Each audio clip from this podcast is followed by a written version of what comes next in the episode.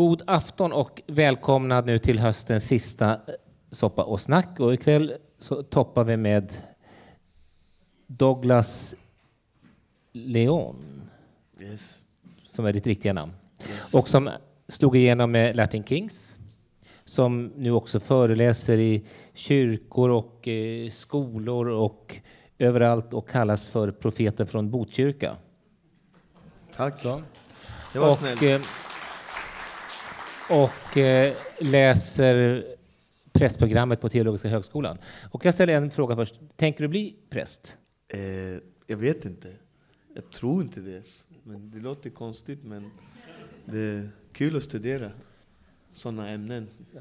Sen får vi se om det bär hela vägen. Det är ju många år liksom, men Mm. vi får se. Men du har, du har liksom drömmen i hjärtat? Jag har drömmen om att få kunskap, om läran om Gud. Men sen har jag lagt allt i hans händer, liksom. Så han får vägleda mig. Sen om det är hela vägen dit eller någon annanstans, det, det spelar inte så mycket. Kan du känna att du kommer närmre Gud ju mer du vet om Gud, ju mer kunskap du får? Nej, inte närmare, men jag kan förstå saker mera om man säger. Vissa saker i livet som tecken och sånt. Som man kanske har varit blind för innan. Som vad då? Alltså, när man vandrar på livets väg så era, han ger hela tiden, lägger ut hela tiden tecken till en. Och de tecknen har jag blivit mycket bättre på att se, upptäcka och ta till mig dem. Och eh, också se att vilka tecken som inte är hans tecken, som är någon annans onds tecken om man säger. Så så ser jag på det mera. Men utan kunskapen så ser man ingenting, man är bara blind typ. Man bara går i sin värld typ. Får jag fråga också om din, din bakgrund? Du är uppväxt i Alby men, och Mm. kommer ifrån eh, dina föräldrar och din, din bakgrund. Hur, hur, vem, Min mamma är svenska från västkusten och från stenhuggarsläktet. Eh, den kändaste stenhuggaren är väl Ingo Johansson, världsmästaren i boxning tror jag. Stensättarlärling. Så att, eh, det, är du släkt med honom? Nej, jag är inte släkt med honom. Vi hade en annan boxare som hette Oskar Lundén. Som släkt med. Han slog folk för 10 kronor. Okej. Åkte runt. Och de sa ni får 100 kronor om ni slår mig. Men det kostar 10 och så betalade de. Och så tog han dem och slog dem. Och så slog han till slut så många så till slut så sa man du måste förlora lite. Men det tyckte han inte om så då slutade han. Så Och, att, eh, och, och, och det, var det din morfar som var Det- arkitekt? Eller? min morfar var arkitekt och plus studerade i Chalmers och eh, ritade 900 hus som de har byggt. Så att, eh, ja det är det. Och min pappa är från karibiska Venezuela. Så jag brukar säga att jag är dubbel, alltså halv viking, halv indian. Ett, Perfekt mix. perfekt, ett varmt land och ett kallt land. Och det, det går inte att hitta bättre kombination i livet. Eller liksom, det är fantastiskt. Men har det känts helt- splittrats någon gång? Att å ena sidan har en borgerlig svensk eh, familj, med arkitekt, din morfar var arkitekt, å andra sidan eh, hiphopen, eh, förorten. Har det krockat i dig? Absolut inte. Jag är en global människa. Så för mig så... Jag kommer från Malby. där lever hela världen tillsammans. Och jag har inget problem med det. det för mig är det fantastiskt. Det är som i Bibeln. Liksom. Det, är, det är människor från hela världen. Och det enda folket som har svårt att bo där, det är faktiskt svenskarna. Så jag brukar säga om det är fel på hela världen eller om det är fel på Det är fel på världen. Det är fel på världen, okej. Absolut. Det är så de säger och på det är TV fel på hela Sverige. Det var Södermalm som är rätt också. Nej, Skåne är väl det korrekta. Ja. Förvirring. Nu, nu blev det konstig stämning. Men, men o- också det här... Eh, det, det, varför vi har att vara kyrka här och de här samtalen, det är ju att få svenskar, vad nu svenskar är för någonting, att liksom börja liksom våga ta ordet Gud i sin mun. För det, det är liksom, om, om Sverige har rätt så, så finns inte Gud. och Det är inget man pratar om i, om man inte är knäpp i huvudet. Men, men du berättar att men för dig att börja tro på Gud var inget konstigt egentligen, för du kom i en... Jag växte upp i Alby där det bor, jag vet inte hur många nationaliteter, men hela världen bor där. Och där tror alla på någon typ av Gud. Och där är man konstig tror jag om man inte tror på Gud. Men när man kommer ut i Sverige, då är man konstig om man tror på Gud. Så det är tvärtom. Alltså det, det är liksom... Det är, det är lite annorlunda faktiskt. Men eh, jag vet inte, jag, för min del så fylldes jag av Guds kärlek när jag var sju år. Och jag tycker att det är inget konstigt. För mig var det en helt naturlig sak. Jag började sjunga i kyrkan. Jag brukar skryta att jag gjorde det precis som Elvis. Och eh, när jag fylldes då som sjuåring så, så förstod jag att det här var någonting bra till mig. Och idag när jag står och förklarar till ungdomarna vad min gudstro är, det är ungefär som att ha en superkraft. Precis som Hulken är jättestark, eller Stålmannen kan flyga, så jag som kristen har Gud som är min kraft. Och även om jag går på en mörk kall gata så är jag inte rädd, för han är alltid med mig. Och även om liksom, jag inte orkar gå så bär han mig fram. Så jag känner mig aldrig liksom, ensam. Det är som att ha en superkraft. Så det är inget konstigt, det är bara naturligt. Det är det mest naturliga. Och leva utan det, det tycker jag är konstigt. Det, det, det har aldrig... Det har jag aldrig kunnat förstå, att folk orkar leva utan att ha en tro Men va, eller Gud. hur, varför har det blivit så, tror du? Alltså, hur, för det är faktiskt så. Jag, jag kan... Jag, jag tror att vi, vi hade det... Jag tror att i Sverige trodde man väldigt mycket på Gud, men sen kom ju en tid där vi fick det väldigt, väldigt bra. Så att eh, svenskar har haft det väldigt bra, inget krig, ingen fattigdom under väldigt lång tid. Och då kanske inte Gud behövs så mycket i vår vardag kanske. Han har liksom inte, man behöver inte honom, han har inte haft någon plats i vårt vardagsliv. Medan man märker direkt folk från andra länder som har haft lite tuffare. Gud är en del av vardagen, han är med alltid. Och det tror jag, det har vi faktiskt mycket att lära. Det känner jag. Och det är inget konstigt liksom, det, det, bara, det bara är så. Så jag tror att eh, vi, vi sköt bort honom ganska länge under lång tid där. Kanske började 50, 60, 70-talet. Och jag tror nu börjar han sakta men säkert komma tillbaka lite mera. Han, han får komma in nu igen i, i Vad svensk- tror du det beror på? Jag tror att folk får det sämre och det går sämre för Sverige och folk är fattigare och eländigare. Och då måste de hitta någonting och då finns Gud där. Han är ju alltid där. Så att eh, han väntar ju på att man ska se honom eller upptäcka honom och fyllas av hans kärlek. Så att jag tror att det kommer bli mer och mer accepterat. Men tror- men hur, när du var sju år så ble- blev du frälst kan man säga då, eller fylldes av. Guds kärlek. Och sen, men, men har du... Och sen har du varit med om svå, väldigt svåra saker i livet också. Absolut. Du, du, och, eh, Så är det. men har, du- har, du, har du tvivlat då? Har du, Aldrig, det får man aldrig göra. Nej, får inte tvivla. Det är strängt förbjudet. Man får inte tvivla. Det får man inte. Nej, Men vad ska man göra om man tvivlar då? Ja, men då får man skärpa sig. Det, det tycker han inte om. Det står, ju, det står faktiskt ganska tydligt att han gillar inte tvivlare och han är svartsjuk och man får inte ha andra gudar och, och förlita sig på något annat. Det, är ganska, det står ju ganska bestämt i Bibeln om det, att tyvärr så, så är det så. Liksom. Du måste tro 100%, annars funkar det liksom. Gör du det? Alltså, om du inte har tvivlat på Gud, om man frågar har du tvivlat på dig själv? Ja, det har man väl gjort, det har väl alla gjort tror jag. Det, det gör man väl titt som tätt, men... Hur gör du då? Va? Hur gör du då? Vem blir du när du tvivlar på dig själv? Nej, men det är ju saker man skapar och sånt där som man kanske, är det här rätt att göra det här, eller ska jag göra det här? Det, det är ju mer sådana saker. Men eh, min tro skulle jag aldrig tvivla, eller liksom det, det är strängt förbjudet. Alltså det, det Gud är alltid med mig. Alltså det började redan när jag var sju år, jag sjöng i kyrkan i kören. Och sen skulle de ha ett parti på någon sång. Och jag var ju en sån här kille som inte ville stå och sjunga i kören. Och, men jag fick ju sjunga i kören för att min mamma frågade varför låter du han sjunga? Han kan ju inte sjunga. Ja, men han är så busig så vi gillar att uppmuntra små buspojkar. Och då fick jag stå i kören och sjunga längst bak och hoppades att ingen skulle se mig. Men sen kom ett parti där någon skulle sjunga solo och då skulle jag gå fram och göra det. Då. Och på den tiden i skolan på 80-talet, då var man liksom bara tvungen att göra det. Det var inte så här, nej jag vill inte göra det. Då gjorde man bara det.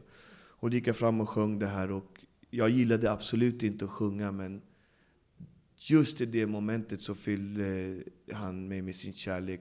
Och sen den dagen så älskade jag att sjunga.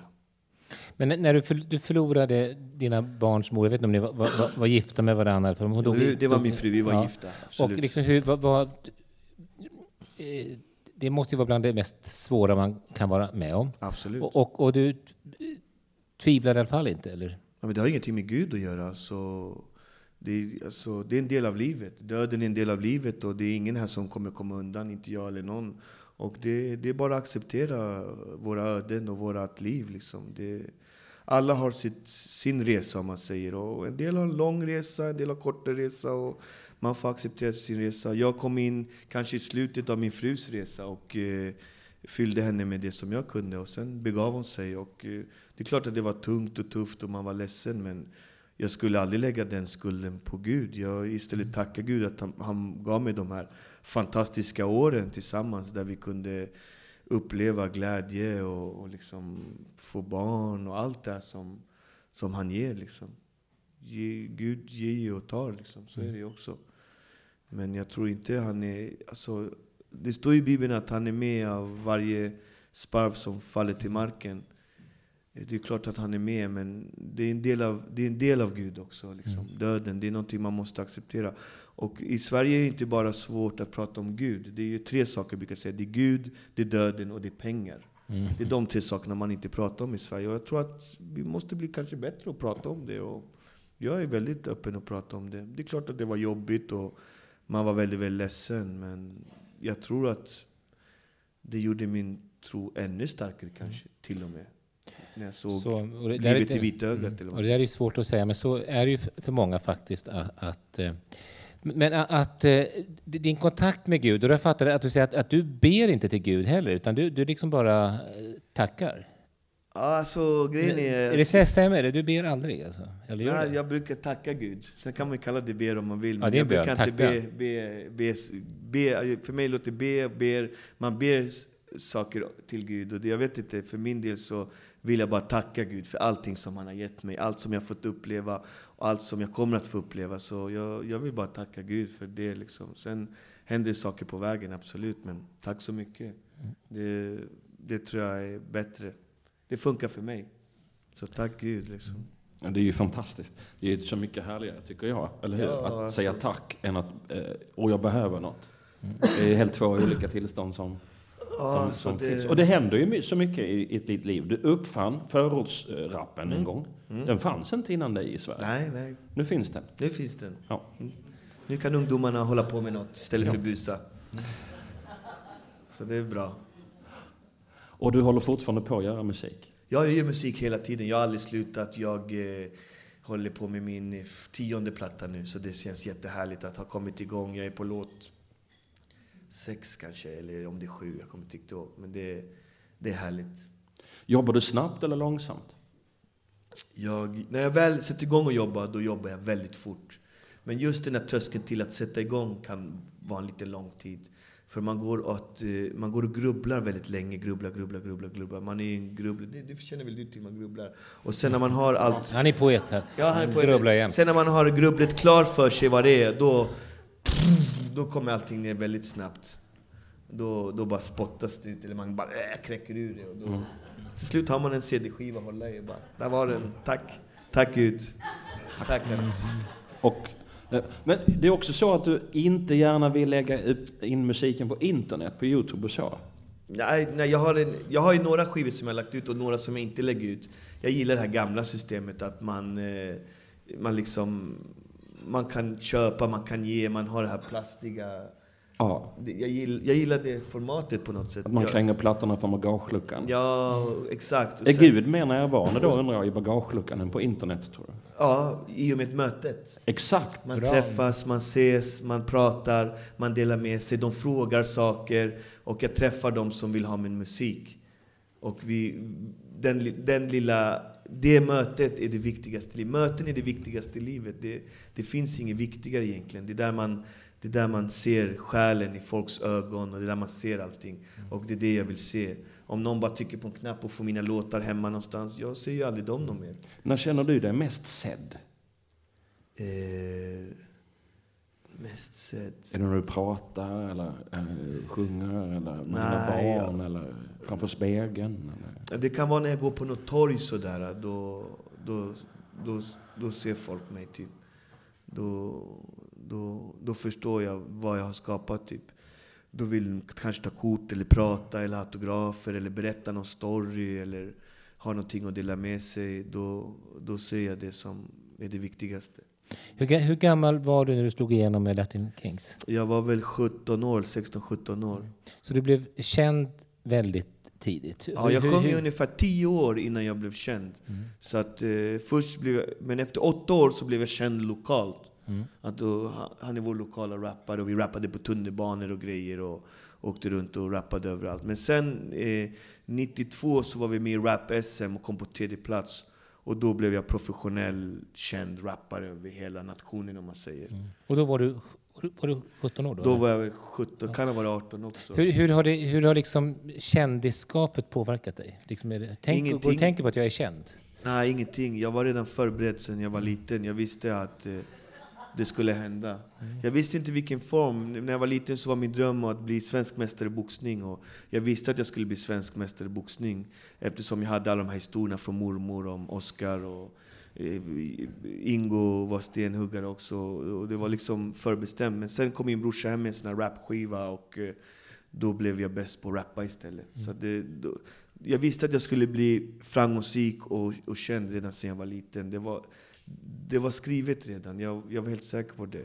Till och med mina kompisar visste att jag, jag sydde upp kepsar med mitt namn och sånt där. Och de fick inte röra dem, de var i plastburkar. Och, och det var för att när jag blir stor, när jag blir känd så kommer de här vara med mig på resan. Och det blev så.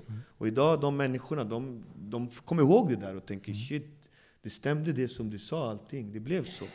Och det, här, eh, tycker du att det, eller när jag vet människor som har träffat dig så brukar de säga att du alltid tar dig tid att, prata med människor och att, att du är, är, det, är det ett särskilt ansvar att vara känd? Exakt, det är ett ansvar att lyssna på folk och eh, höra folks stories, men också ge folk någonting med sig. Det, det är det här mötet som är väldigt viktigt. Det är det viktigaste i livet tycker jag. Och det är ju där eh, vad heter det, man känner den, alla de här krafterna. Och, men också att knyta kontakter och ha ett starkt kontaktnät är också viktigt i dagens samhälle.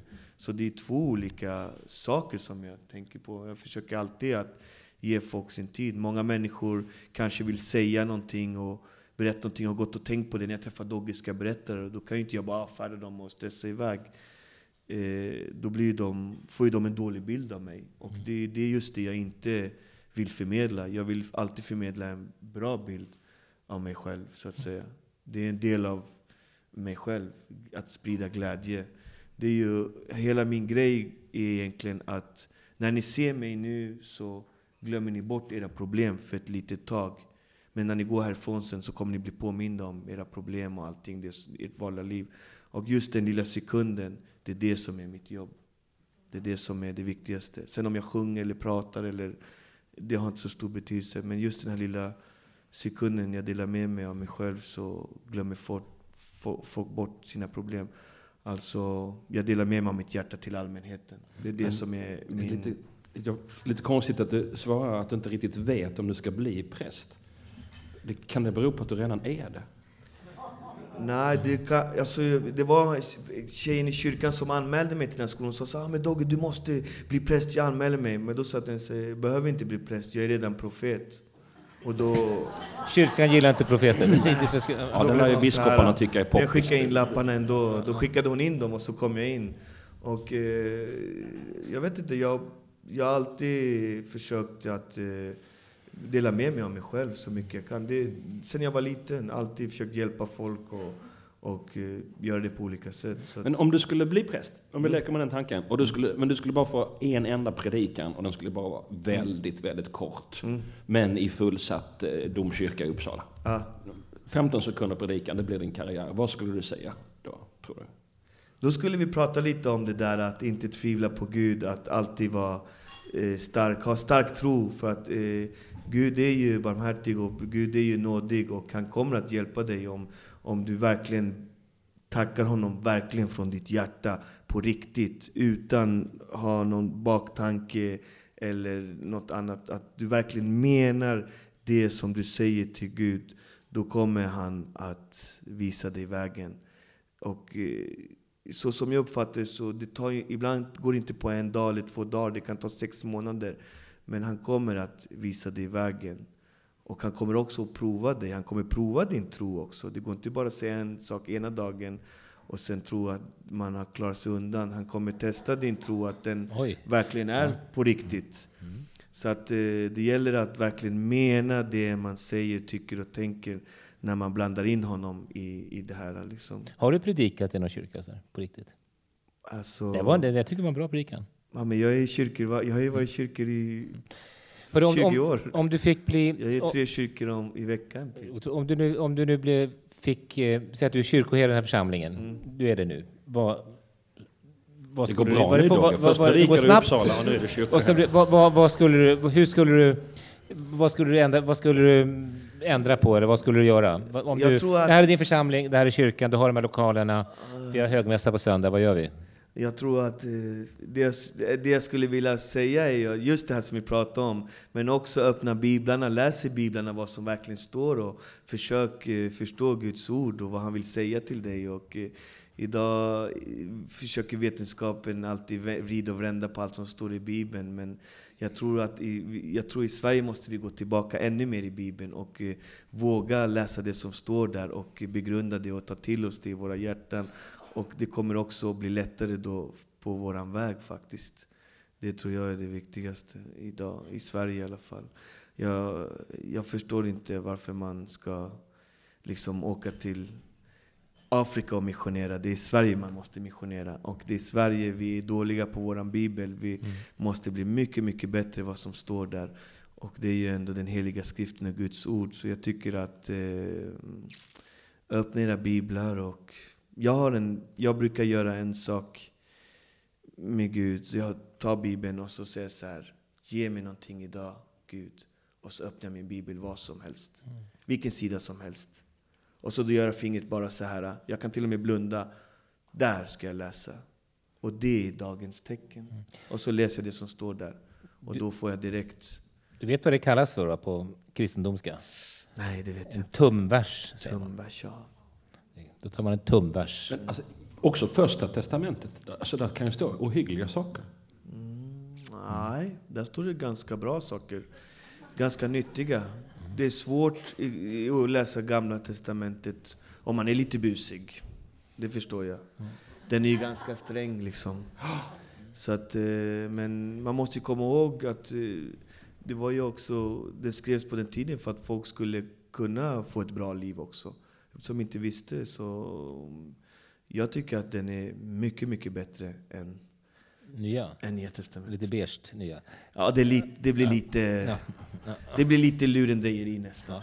Ja, det, ja, kan Gud, ja, jag håller med dig, men jag, jag, jag håller mig till det. Men jag, håller, jag tror det är samma sak. Men det här, det, det här, men att är din Gud, du, jag tror du har sagt också att, att du behöver en sträng Gud. Ja, det har jag sagt också. Ja, men, och, vad kan du... jag, varför- jag, jag tror att alla människor har ju sin bild av Gud och hur han är och allting, självklart. Och om man frågar mig hur min Gud är så tror jag att han är väldigt sträng. För att, eh, jag vill nog ha det så. Jag, jag, jag tycker inte om det här dalteriet, att man kan göra och vara hur som helst och det blir ändå bra. Jag tror mer på att det, det är lite strängare faktiskt. Jag tror att det, det passar bra på mig som människa, men det kanske inte passar alla.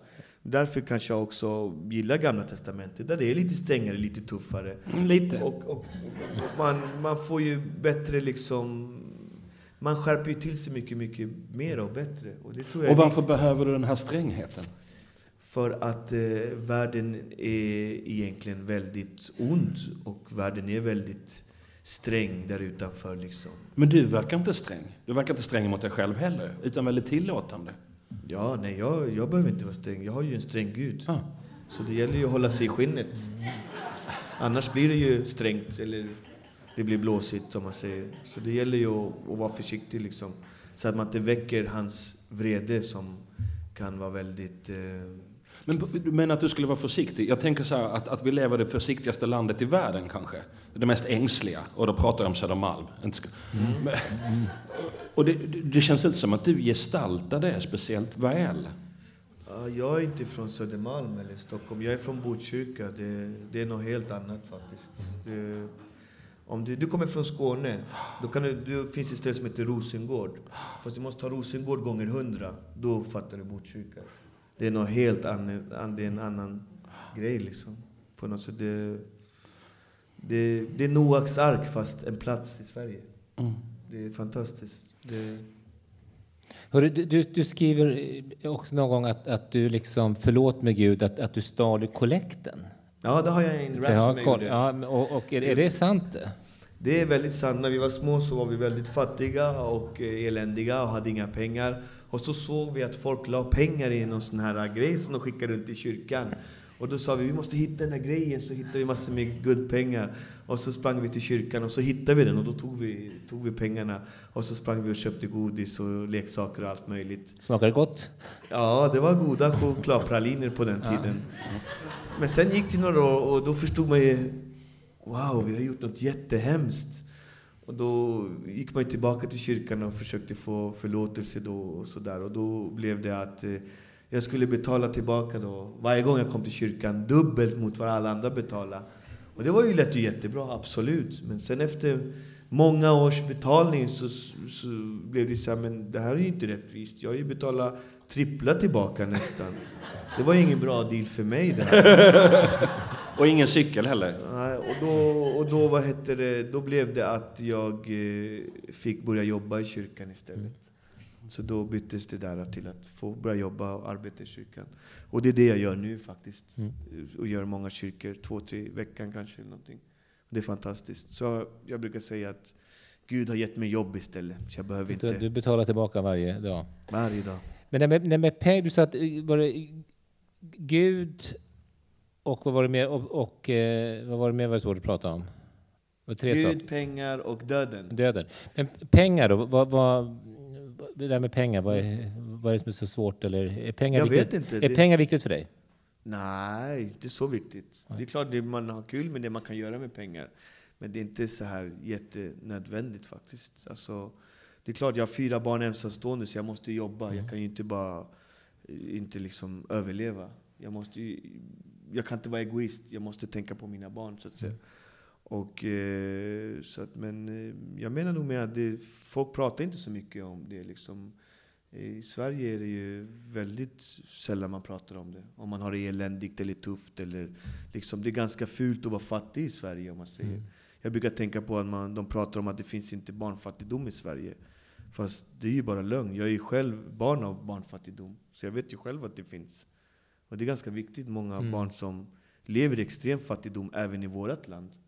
Och det, det är viktigt. Det är barn som har det tufft och i skolan eller kanske inte får en ordentlig varm jacka eller vad det är som kanske behövs, det mest väsentliga. Och det kommer väl bli mer sånt i vårt land. Och eh, om jag får prata med min mormor, hon är tyvärr borta nu, men hon har berättat ju också i gamla tiden hur det var i Sverige. Så det har ju funnits tidigare också. Och jag tror att jag vill vara med och uppmärksamma det faktiskt. Att det finns i Sverige också. Hörru, och, och att, men det, du, du har... Men, jag tänker med, med, med om du, du har haft svåra saker i livet med, med droger, du har även suttit i fängelse. Så. Ja, jag har tagit droger, jag har suttit i fängelse, jag har haft en dotter som har dött, jag har haft en fru som dog i cancer, min hund som jag hade 15 år dog eh, och min bästa kompis dog faktiskt av droger. Så att jag kan säga att Men om du, om, du, om, om, du, om, du sitter till, om du tänker, om du fick säga någonting till en, en, en så att vara ung är, det är väldigt svårt, det, det är tufft att vara människa. Vad, är det, vad, vad, vad, var nyckeln till att du på något sätt tog dig ur det då? Jag tror att jag fick gåvan av Gud att hålla på med musik. Det var min räddning. Alltså, Jag hade alltid musiken och kunde gå till studier. Men om jag skulle säga till en ungdom idag så skulle jag ju säga det här, slösa inte bort ditt liv. Alltså ta vara på ditt liv, börja redan nu. Kasta inte bort det här. Liksom. Det, är så, det du gör är väldigt onödigt. Alltså, droger kommer inte ge dig någonting. Det kommer bara ge dig huvudvärk och massa problem. Försök att eh, reta upp dig själv och, och börja din dröm som du har redan nu, vad det nu må vara. Liksom. Och det tror jag att man ska börja. Och det gäller väl alla människor, att liksom, det är aldrig för sent. Drömmar är skapande och eh, börja vandra mot din dröm redan nu. Det är det hela livet går ut på egentligen. Men om man inte har några drömmar då? Men det, det stämmer inte. Alla har drömmar. Det, det, jag tror inte det finns någon människa som inte har en dröm. Eh, jag tror att eh, det är bara att eh, rannsaka sig själv så vet man vad det är för drömmar. Och, och är inte det också, man tänker vad, vad, vad kyrkans eller en predikant eller en profet eller en präst eller vad allt det ska vara, det är ju att, att, att väcka liv i drömmen hos varandra. Absolut. Och det tänker jag är verkligen, det, det, är, det finns så mycket nedsänkta drömmar, men, och, och därför, det, det tänker jag, det är också hemligheten med kyrkan, att vara en, en Det- dream det- factory. Exakt, det är det som jag gör. Jag delar med mig av mitt hjärta till allmänheten. Och då ser ni det och därifrån kan ni liksom börja jaga era egna drömmar. Det tror jag är mycket viktigt i livet faktiskt. Annars blir man bitter och tråkig och gnällig, som många blir. Som inte Det ja. upplevde sina drömmar eller gjorde det som de verkligen egentligen ville. De lyssnade på dårarna där ute och de, de var oftast gudlösa dårar. De var alltså sända av någon annan än Herren. Så när någon säger åt en att man inte ska gå på drömmen utan det där trygga alternativet, tandläkarutbildningen eller vad det är. Det är alltså inte ett råd som kommer från, från Gud. Alltså utbildning är ju väldigt viktigt också. Liksom. Det, det kan man ju inte skjuta, under stolen med. Men ofta så kan ju unga människor välja mellan drömmen Mm. och utbildningen. Mm. Men man kan välja båda. Mm. Man behöver inte förkasta en sak. Man kan vara smart och, och välja båda. Och det är det vi måste upplysa våra ungdomar också. Alltså har du en utbildning, då får du ju kunskap. Kunskapen gör ju att det blir lättare att och, vad heter det, förverkliga din dröm. Om du är ignorant är det svårt att förverkliga din dröm. Men om du är skolad så blir det ju lättare att komma närmare drömmen tror jag. Är ju, kunskap är ju ändå någonstans ganska mycket makt i det. Hörru, och, och du, är du, du är ensamstående pappa? Ja, det är jag. Och, och eh, hur, det, hur är det att... Alltså, som ensamstående pappa blir man lite mer hjälte än, att vara ensamstående mamma, tror jag faktiskt. Så det är lite orättvist. Ja, det tycker jag är Eh, Faktiskt, konstigt. ja, alltså. det där är att mamman alltid har rätt, det har jag aldrig förstått. Utan, ja. Bara för Nej. att man föds som mamma så är man alltid bättre med barnen. Det tycker jag inte om. Papper kan vara minst lika bra. Ja, jag var och kan vara absolut. bättre också många gånger faktiskt. Fast jag tror att som pappa får man mycket mera... De, man får, vad duktig du är som klarar det här. Men, men hur, hur är du som pappa då? Vad liksom, är, är du, ser Jag, du, jag har ju bestämt mig att jag ska vara världens bästa pappa och jag ska vara Sveriges bästa pappa. Och jag ska vara en pappa som alltid ställde upp, alltid var där hela livet. Så att mina barn när de blir stora ska säga till mig så här, pappa tack att du tog hand om oss och stödde oss alltid. Det är liksom mitt mål. Och det är att alltid vara närvarande och ha kvalitetstid med dem. Det är det viktigaste och svåraste faktiskt. Och det försöker jag. Men det är klart att jag får många klappar på ryggen när jag går på föräldramöte och det sitter fem mammor och en pappa som heter Dogge. Då, då säger dagisfröken ja, du är otrolig. Då blir man ju glad så här. Men då tänker jag så här, shit om det går 14 barn här, då skulle det ju vara 14 pappor här och 14 mammor här. Men det kommer bara fem mammor och det kommer en pappa. Det är sex stycken på 14 barn. Det är ganska hemskt ändå. bor, bor, bor, bor, Hur det ser bor- ut alltså. Det är inte bra. Nej, var bor du någonstans nu? Du? Jag bor i Alby Du bor kvar, ja, jag har bott där i 40 år i år. Så det, jag är kvar i, född, fostrad och uppväxt i förorten och bor kvar där. Och, och där är olika, för på Södermalm tror jag där är det full pott av både mammor och pappor på föräldramötena faktiskt. Det ingår liksom... i- Så är det, bra. det, det, är- men det är verkligen olika... eh, Ja. Fast jag tror att kanske Södermalm kanske folk har det bättre ekonomiskt också. Och men väldigt, väldigt, väldigt alltså- andligt fattiga skulle jag påstå. Det är Ja. väldigt, så att vi, vi, det, De är bättre ekonomiskt men andligt fattiga. så vi måste göra var- någon var slags... Bra, Jättebra faktiskt. Så det behövs någon slags... eh, Vi måste bygga någon brygga mellan Alby och... Så Gud lever i förorten mera. Absolut, ja. Det, det, jag, tror jag, jag tror Gud har... eh, Gud är ju där, där kampen finns. Eller där... Ja, intressant. Var finns Gud någonstans? Ja, vad, vad ska vi fråga expertpanelen här? Eller, eller vad, vad finns Gud Ja, vad någonstans? Var, var finns Gud någonstans? Gud finns Var- i våra hjärtan. Han är inne i oss. Det gäller bara att hitta honom. Det är det som Jesus säger, att himmelriket finns inom oss. Som är mitt favoritcitat i Bibeln. Och det är ju ganska viktigt att himmelriket är inte där borta Eller någonstans. Det är här inom oss. Och det är det som vi ska hitta. Och, men du tyckte ändå Jesus var lite för mild sådär, eller? Alltså, ja, när man lyssnar hur, det är, hur Jesus är i Sverige så är han ju lite... Men om man läser verkligen vad det står så är han ganska sträng. Vi säger att du skulle gå ner på Alby torg och välta frukthandlarens eh, stånd där med alla frukter det. Och han kommer väl från Libanon eller någonstans.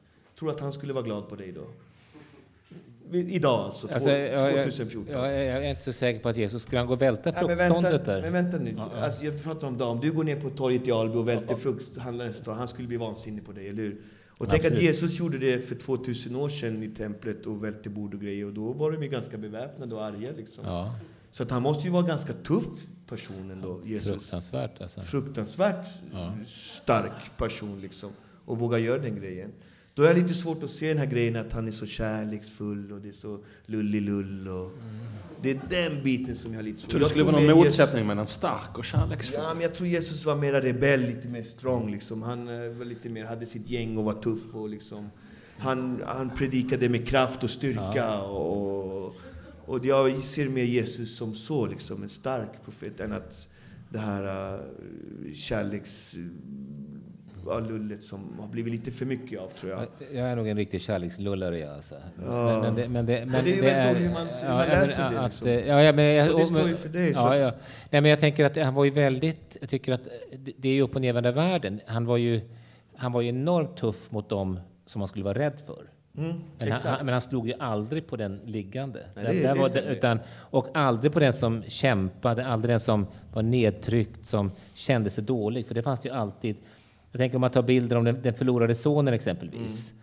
Så att liksom det, va- varje ögonblick man är den förlorade sonen så är Gud bara en öppen famn. Men den dagen man också tror att man är något, då är Gud en sträng domare. Ja. Men han provocerade ju hela tiden, hela vägen. Och det är ganska tufft att göra det på den tiden kan jag tänka mig. Verkligen. Kommunist har du kallat honom. Ja, det, det brukar jag säga att han var den första kommunisten. Han delade ju brödet lika till alla. Och det var ju riktig kommunist Ja, innan. är du kommunist också? Om Jesus var det så är jag nog Det är också det. Ja. När jag, när jag var präst ute i Vantörs församling, då stod det liksom, då var det en kinesisk kvinna, och stod det, då var det så här att, jag, det där, jag, var, jag var kommunister i församlingen, och då sa i Kina hade vi många kommunister, sa hon. Liksom. Det var liksom, Ja, jag var det var man är kommunist, så det är så att, men det, men hörru, eh, vad, vad händer när vi dör då? Ska man vara rädd för det? Jaha, sådana frågor också. Okej. Eh, det beror på om du, om du har skött dig. Annars, ligger man illa till, är det så? Om det var, ja, det tror jag. Om du, om du har skött dig i jordelivet, allt det här är ju ett test och eh, det är nu man gör det stora testet så att säga, vad som sker sen. Så det gäller ju att sköta sig och eh, alltså, så att man får Guds nåd liksom. Och det finns ju bara en väg dit och det är genom Jesus, annars kommer man inte igenom knapphålet. Så det gäller ju att sköta sig och vara redig och rättfärdig. Och vad är det värsta? Hur, hur sköter man sig inte då? Vad är det ja, värsta? då hamnar man ju i evighetselden, är det inte så? Eller? Ja, Då ja, brinner vi. Eller, Men vad, vad, är, vad är då den värsta synden? Det, exakt, det står väl ingenting om det, eller Nej. står det någonting om det? Men jag tror att det värsta är väl allt det här som ja, man inte ska göra. Alla dumheter. Det är väl att stjäla, ljuga. De tio budorden tror jag. Det gamla förbundet tror jag är det som är det viktigaste. För det förkastar ju inte heller Jesus. Nej. Han sa ju Nej, inte att han skulle Upphäva lagen, utan han- fullborda den. han skulle bara fullborda den. Så att jag tror att de, eh, inte stjäla, ljuga och allt det där, de, de tio är ju, det är ju grunden så att säga. Och det räcker med dem, för det är väldigt svårt att vara människa och hålla sig inför det. Absolut. Eh, Guld är vackert, kvinnor är vackra och allt, du vet, det är svårt. Så det, det är det som är, Ja. det är det som är det svåra i livet. Att, Om man, tar, man sammanfattar i alla fall, tycker jag då, det, det är att det, det, låter som det viktigaste, det är att tacka. ja, det tror jag faktiskt. Det- Och då har du lovat att göra något till slut här. Ja, jag skulle, just det, det var den här rappen du menar. Ja. Jag gjorde en rap för många år sedan där jag eh, bara ville tacka Gud för att eh, Och sen finns, finns eh, här om man vill, vill köpa någon bok eller få signerat och så. skivor, böcker, skriva autografer, ta kort, selfies. Allt. Vad ni vill, vad ni vill. Kanske bra julklappar också kanske till någon. Men jag skrev en låt för många år sedan som heter Tack Gud och den går ju så här då. Tack Gud för allt som du någonsin gett mig. Tack Gud för min vackra dotter och min tjej. Tack Gud för styrkan, lyckan och modet. Och att du tog tag i mig när jag tappar ordet. Jag ångrar allting och tar tillbaks det idag. Och förlåt mig för allt dumt som jag många gånger sa. Tack Gud för taket, vinet och brödet och allt det vackra som du gav mig i ödet. För kärlek, frihet och änglarna du sänt. I mörkaste stunder så turen alltid vänt. Livsglädjen och lågan som alltid brinner. För livet är guld, vin och vackra kvinnor. Att du låter sanningen smeka mina läppar när jag langar rhymes som verkligen pepprar. För det är sant att alla hundar har sin egen dag. Och ditt heliga ord kommer alltid vara min lag. Spirituella rysningar över hela min hud när jag är här idag för att tacka min Gud. Tack Gud. Jag ber inte om mycket och aldrig om mera. Gud, ge mig sinne så att acceptera de saker jag inte själv kan förändra. Mod att förändra det som jag kan ändra. Förstånd att inse skillnaden av negativa trenden. Jag brukar ligga helt trasig uppe i gränden med hela kroppen fullproppad av gifter och glömma bort alla mina livsuppgifter. Du gav mig många chanser att komma tillbaka. Du lärde mig att gå gånger vad asfalt smaka. Och mamma, titta, jag står med fötterna på jorden. Ta vara på talangen och spotta ut orden. Man får bara en chans, men jag blåste flera. Jobba hårt och kämpa, för jag tänker fokusera. Välsigna micken åt alla ute i det kalla, till miseria som fortfarande spelar balla. Ingen attitydsproblem, bara kärlek och respekt. Från hela hjärtat får du det, live och direkt. Tack Gud. De flesta av dina budord har jag någon gång brutit. Vittnat falskt, tjuvat, varit otrogen och ljugit. Jag vet att du hatar synden, men älskar syndaren. Jag ber om din förlåtelse Gud, snälla skyndare. Kom ihåg när jag baxade i ditt hus från kollekten. Tänkte bara på mig själv och tappade hela respekten. Laborerade med droger som det vore bästa godis och lekte på djävulens bakgård som melodis. Gick balansgång på lögnens smala lina och vandrade in i mörkret istället för att skina. Blev frestad fast jag borde stanna upp och tänka när Lucifer viskar i mitt öra om jag ska hänka. Du gav mig en gåva och gjorde mig mycket fetlen. Dela med mig av mitt hjärta till allmänheten. Jag försöker vara din tjänare i alla situationer. Som tack för alla fina improvisationer. Är jag nu redo för den rätta vägen? För jag är trött på att hamna i konstiga lägen. Återvändsgränder som visar min dumhet och kasta bort min gåva som en gatupoet. Så led mig mot ljusets vackra grindar för en naturell mystik som blåser i dina vindar. Tack Gud. Amen.